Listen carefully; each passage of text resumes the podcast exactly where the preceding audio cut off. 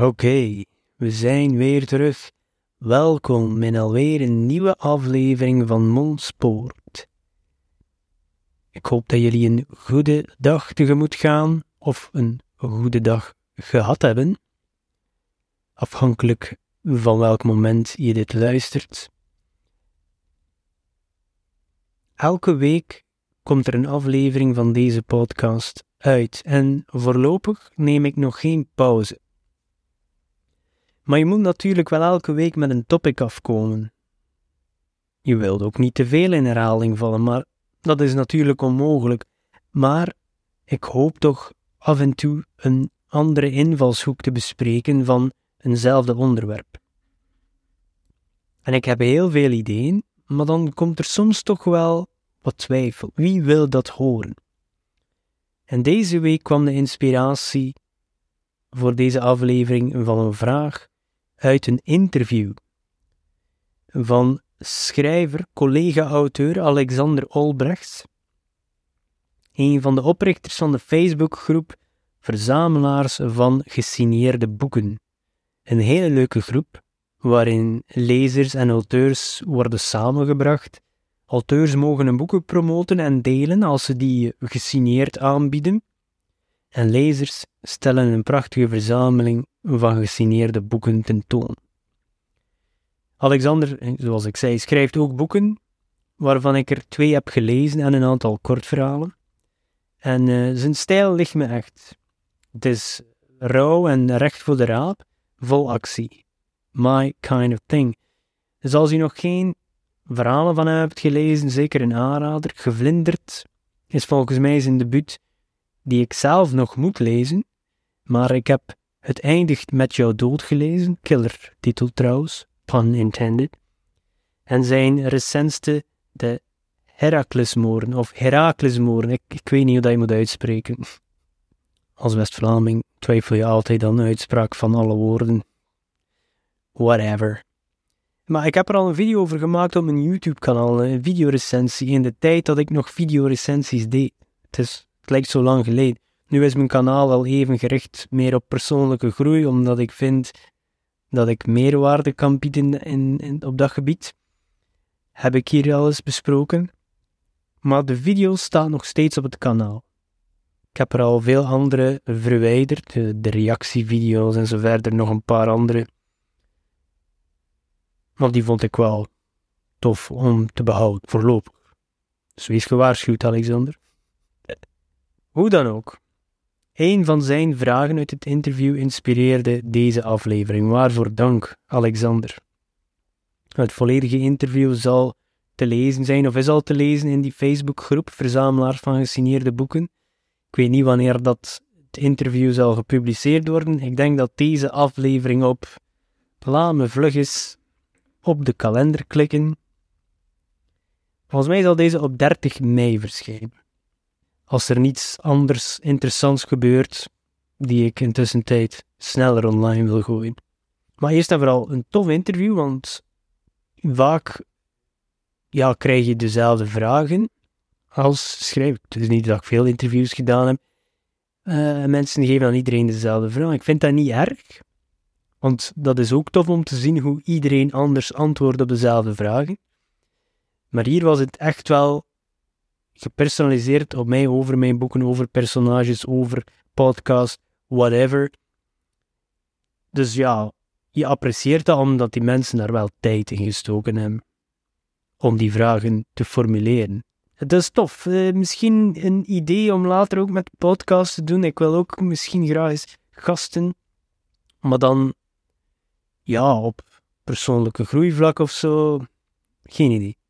Dat is ook maar een idee die ik nu weer random uitspuw. Maar ja, ik weet dat zulke dingen veel tijd in beslag nemen.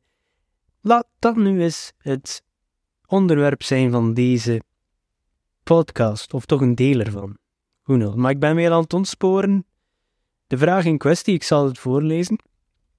Je brengt op slechts 14 maanden een trilogie uit met drie volwaardige boeken.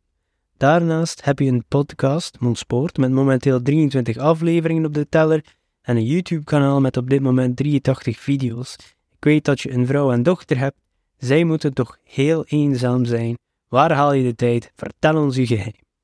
Je ziet, de inspiratie komt uit die vraag. Ik zal niet het letterlijke antwoord voorlezen. Dat is een beknopte versie van het antwoord die ik nu zal geven. Voor het langdradige antwoord moeten we hier zijn. Maar bedankt voor de inspiratie.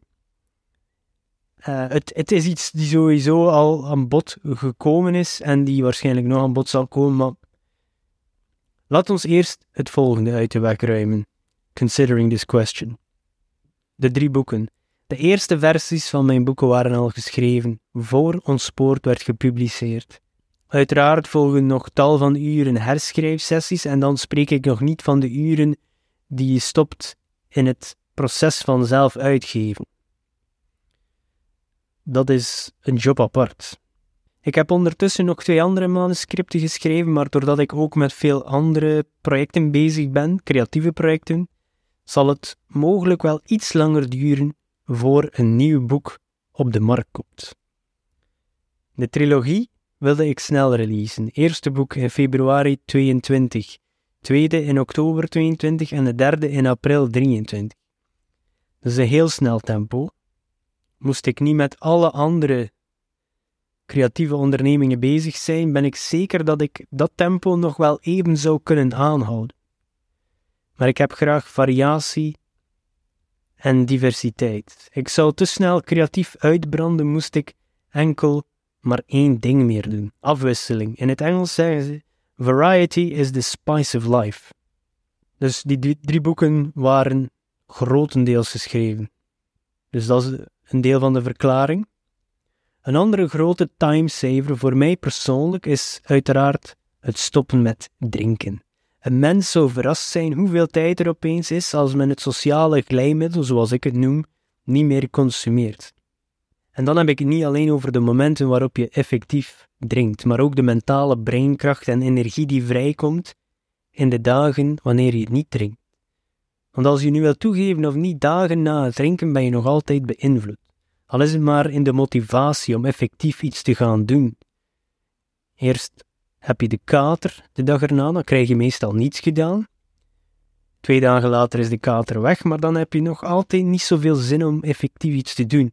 Dus ik zou het iedereen aanraden, maar ik weet ook wel, in deze westerse cultuur is dat niet realistisch. Toch op dit moment niet. Komen wel veel nieuwe studies uit en data uit over alcohol en de effecten. En spoiler alert, het is niet mooi. Maar genoeg met zeiken. Ik weet dat ik anders de Vlaamse luisteraars verlies. Geniet van je pint, maar wees toch waakzaam. Dat is al wat ik in deze aflevering erover zal zeggen. Meer gezeik erover in volgende afleveringen. Insert onzichtbare knipoog. Productiviteit is sowieso een onderwerp waarmee ik vaak bezig ben.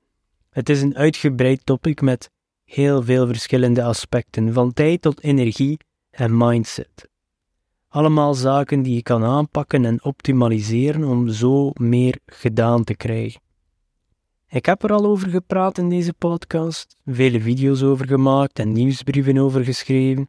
Het is uh, een continu proces waarover ik elke dag meer leer, dus steeds meer zaken over te delen heb. En soms verandert mijn mening ook over het onderwerp. Meer gedaan krijgen wil niet altijd zeggen dat je beter voelt of gelukkiger wordt. En dat is een onderscheid die we vaak moeilijk kunnen maken. Voor mij spelen nu verschillende factoren in het tussen haakjes voordeel. Het is maar hoe dat je het bekijkt. Andere mensen zullen denken dat is allemaal gek en waarom doe jij zoveel focus op één ding? En als ik het allemaal soms inderdaad ga opsommen, ja, dan, dan is het veel. Boeken schrijven en die zelf uitgeven, YouTube-video's maken, een podcast, wekelijks, een wekelijkse nieuwsbrief, een job. Ik werk maar vier dagen per week, dus dat is ook een deel van het geheim. Een gezin en ik lees ook nog eens honderd boeken per jaar. Hoe in hemelsnaam doe je dat allemaal? Ik ben ook de kok in huis, dus er wordt bijna elke dag vers gekookt en ik doe ook de boodschappen maar daarin zit ook een deel van het antwoord. Ik heb graag controle over mijn planning en dagindeling. En zo kan ik dat vormen zoals ik het wil. En doordat ik zelf kook en boodschappen doe, krijg ik meer gedaan in mijn creatieve onderneming. Wat? Wat? Door meer taken op jou te nemen kan je meer doen. Hoe is dat mogelijk? Wel, voor mij werkt het zo. Ik zeg niet dat jij het zo moet doen, dit is hoe het past in mijn persoonlijk schema. Zondagmorgen ga ik om boodschappen en zorg meestal op zondag voor een gerecht waarvan we twee keer kunnen eten. Hè. Klassiek voorbeeld daarvan is spaghetti. Dat zorgt ervoor dat ik de maandagavond enkel de saus moet opwarmen en nieuwe pasta moet koken. Hè. Dit kan dan een andere vorm van pasta zijn. Hè. Bijvoorbeeld spirelli, macaroni, tagliatelle, zodat het toch wat variatie geeft op de dag ervoor. Ik kom ongeveer een uurtje tot een uurtje en vroeger thuis op maandag dan mijn echtgenoot en mijn dochter, dus die tijd kan ik dan heel goed gebruiken om een video of een podcast op te nemen. Als ik de video's of de podcast heb voorbereid, kan je er in die tijd misschien, laten we zeggen, twee opnemen. Het zijn geen zo lange video's of podcasts. Het monteerproces is natuurlijk hetgeen die wat langer duurt. Maar dat kan je gerust doen als er andere mensen aanwezig zijn in huis. Voor het opnemen heb ik liever dat het stil is in huis. Ik zit wel helemaal boven op zolder om op te nemen. En in principe kan je ook opnemen als er iemand thuis is, op voorwaarde dat niemand luide muziek of zo opzet. Maar toch gaat het om een of andere reden beter als er niemand in huis is. Bij schrijven heb ik dat bijvoorbeeld niet. Ik heb me geleerd om overal en altijd te kunnen schrijven. Misschien daarom dat ik zoveel gedaan krijg, weer tussen haakjes. Voor mij neemt het effectieve schrijven eigenlijk niet zoveel tijd in beslag. Het is vooral het denken dat veel tijd in beslag neemt. En dat kan je altijd en overal doen. Als je toch de gaatjes ervoor herkent. Denkgaatjes. Een scène kan je helemaal voorbereiden in je hoofd dat je het gewoon letterlijk moet uittypen. Alsof dat je een griffier bent in een zitting. So back to cooking. Het is niet daarvoor, voor die specifieke reden, dat ik het koken in handen heb genomen. Ik eet graag en toen we net alleen gingen wonen, ondertussen al een jaar of 15, 16 geleden, in de hype van de kookprogramma's, probeerde ik al die dingen maar al te graag uit. Dat kon je zien ook aan mijn postuur. En nu probeer ik wat gezonder te koken en ook vooral veel simpeler met minder ingrediënten en dat kost minder tijd. En doordat ik de boodschappen doe, neemt dat ook tijdens de week veel denkwerk weg. Ook mijn andere maaltijden, ontbijt en lunch, die ken ik allemaal van tevoren, dus ik moet niet elke dag gaan nadenken over wat ga ik nu eten. Natuurlijk wel op wekelijkse basis, maar dat is één keer, en dan moet ik de rest van de week daar geen breinruimte meer aan geven. Dus ik heb heel veel geluk met mijn huidig schema en de mensen rondom me helpen me daar enorm bij. Niet om taken uit handen te nemen, maar om de tijd die ik ervoor nodig heb te helpen beschermen. Mijn moeder woont bijvoorbeeld naast de school van mijn dochter en haalt daarop na school, wat ons kosten uitspaart voor opvang en mij tijd geeft om me bezig te houden met al mijn side hustles, so to speak. Het was een regeling die eigenlijk al in voegen was voor ik hiermee bezig was, maar het is wel een van de belangrijkste die me de tijd geeft om productief bezig te zijn met mijn creatieve onderneming. Op vrijdag gaan mijn schoonouders de dokter halen en zetten ze dan thuis af of gaan mijn echtgenoten ze halen. Dus je ziet, zelfs al ben je een one-man business, heb je toch nog hulp en steun nodig van andere mensen. Maar het is natuurlijk niet allemaal geluk en niet alles gebeurt in die uurtjes s'avonds na het werk. Ik sta op tussen 6 uur en 6 uur 30. En na een koffie ga ik meestal meteen sporten. Krachttraining. Heb daarvoor materiaal aangekocht in de coronaperiode. En dan luister ik meestal naar een podcast of naar een boek. Recent zijn dat vaak boeken en podcasts over mentale gezondheid of meditatie of iets in de persoonlijke groeiruimte of in de medische wereld om mij meer te informeren over deze topics. Voor mezelf, hè, om gezonder te worden en mezelf te verbeteren, de beste versie van mezelf te worden, omdat het geweldig interessant is. En dan ook om mijn content te vormen om andere mensen te helpen. Ik probeer eerst mijn eigen te helpen, mezelf te verbeteren, en als dat gelukt is, dan probeer ik mijn steentje bij te dragen om andere mensen te helpen. op mijn manier en dat is online content maken.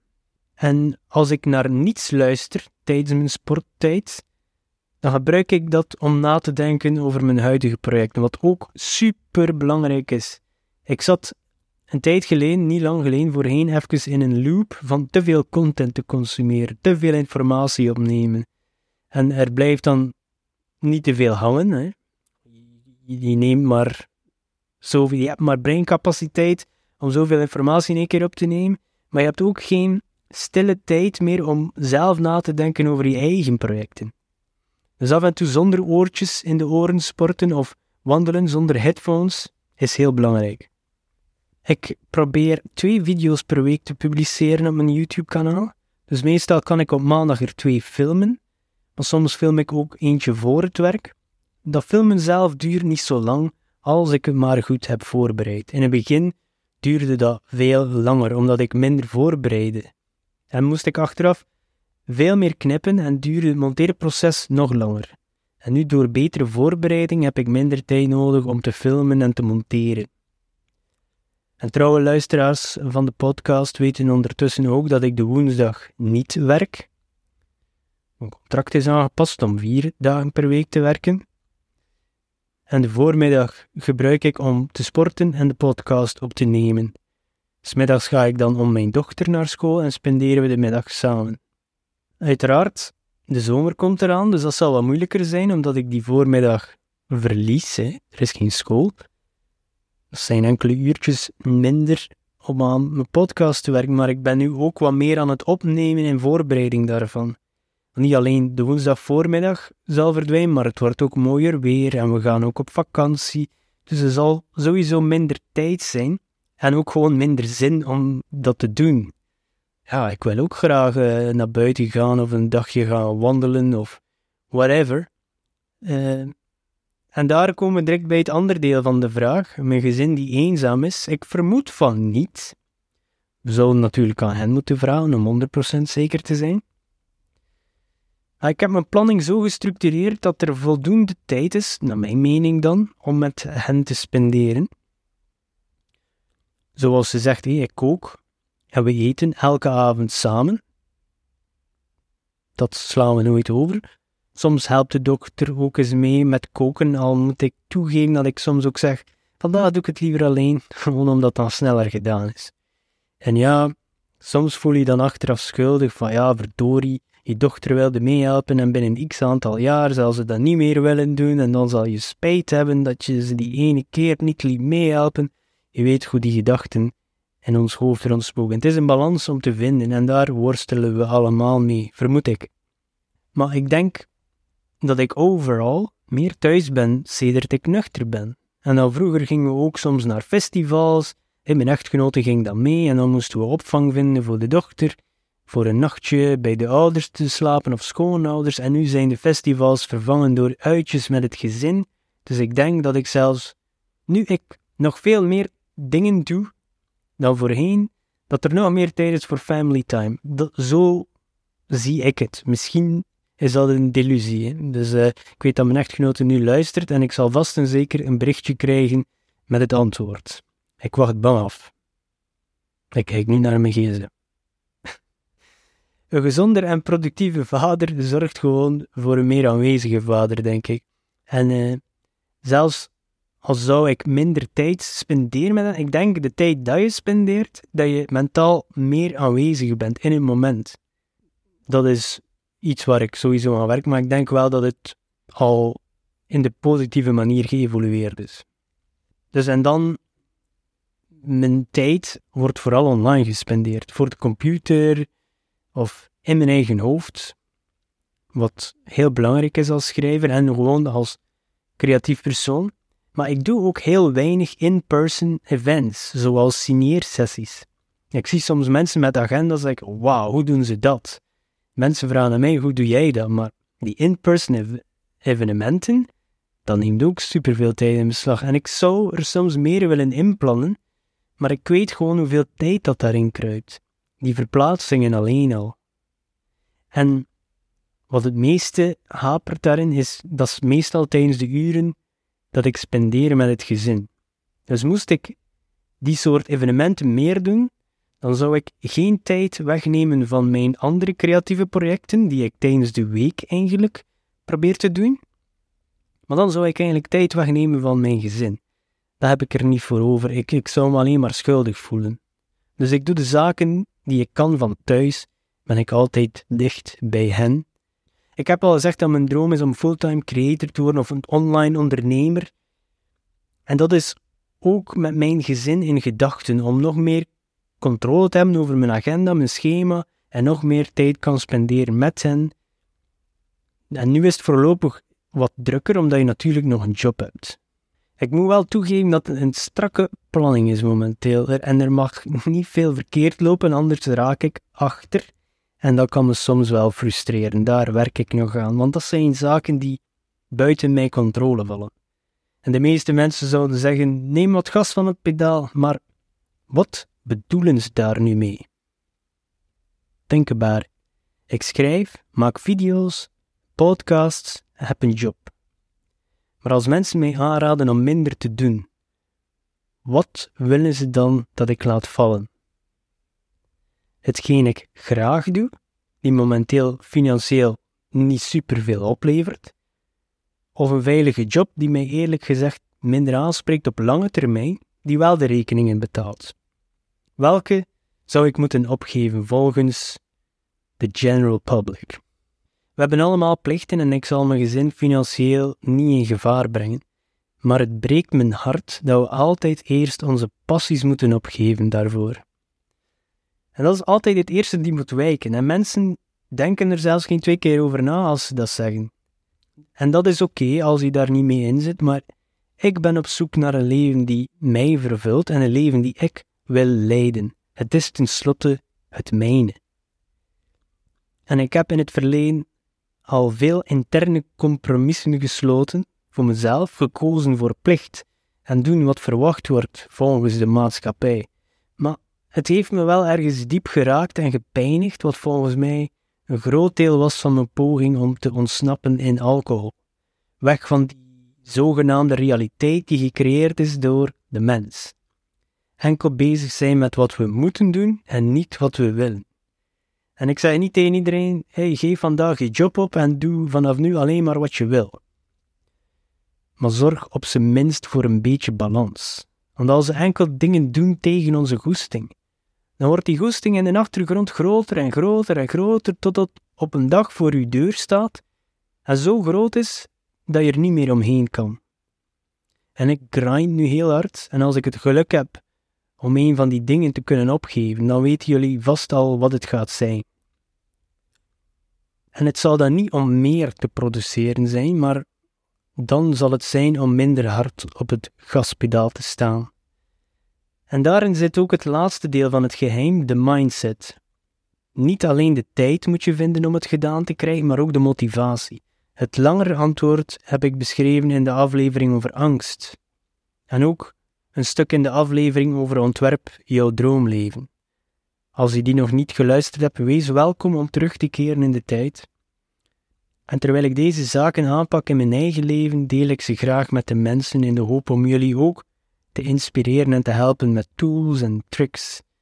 Hiervoor heb ik ook mijn wekelijkse nieuwsbrief gecreëerd. Als je nog niet geabonneerd bent op de Groeigazet, check dan zeker de link in mijn bio op de diverse sociale media platformen.